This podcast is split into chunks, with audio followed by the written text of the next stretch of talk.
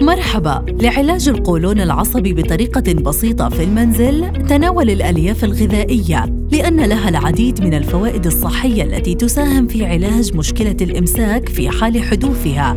وهذا يعني التقليل من بعض أعراض الإصابة بالقولون العصبي.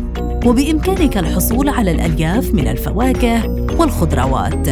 ابتعد عن السكريات الصناعية لأنه لا يتم امتصاص هذا النوع من السكريات في الجهاز الهضمي وبالتالي تتخمر في القولون. الأمر الذي من شأنه أن يسبب الغازات والنفخة والإسهال. مارس الرياضة بانتظام في حال كانت أعراض الإصابة لديك حادة وشديدة. فممارسة الرياضة بانتظام ينعكس بشكل إيجابي على إصابتك بالقولون العصبي. وأخيرا احرص على شرب النعناع لأنه يساعد في تقليل مشاكل الجهاز الهضمي.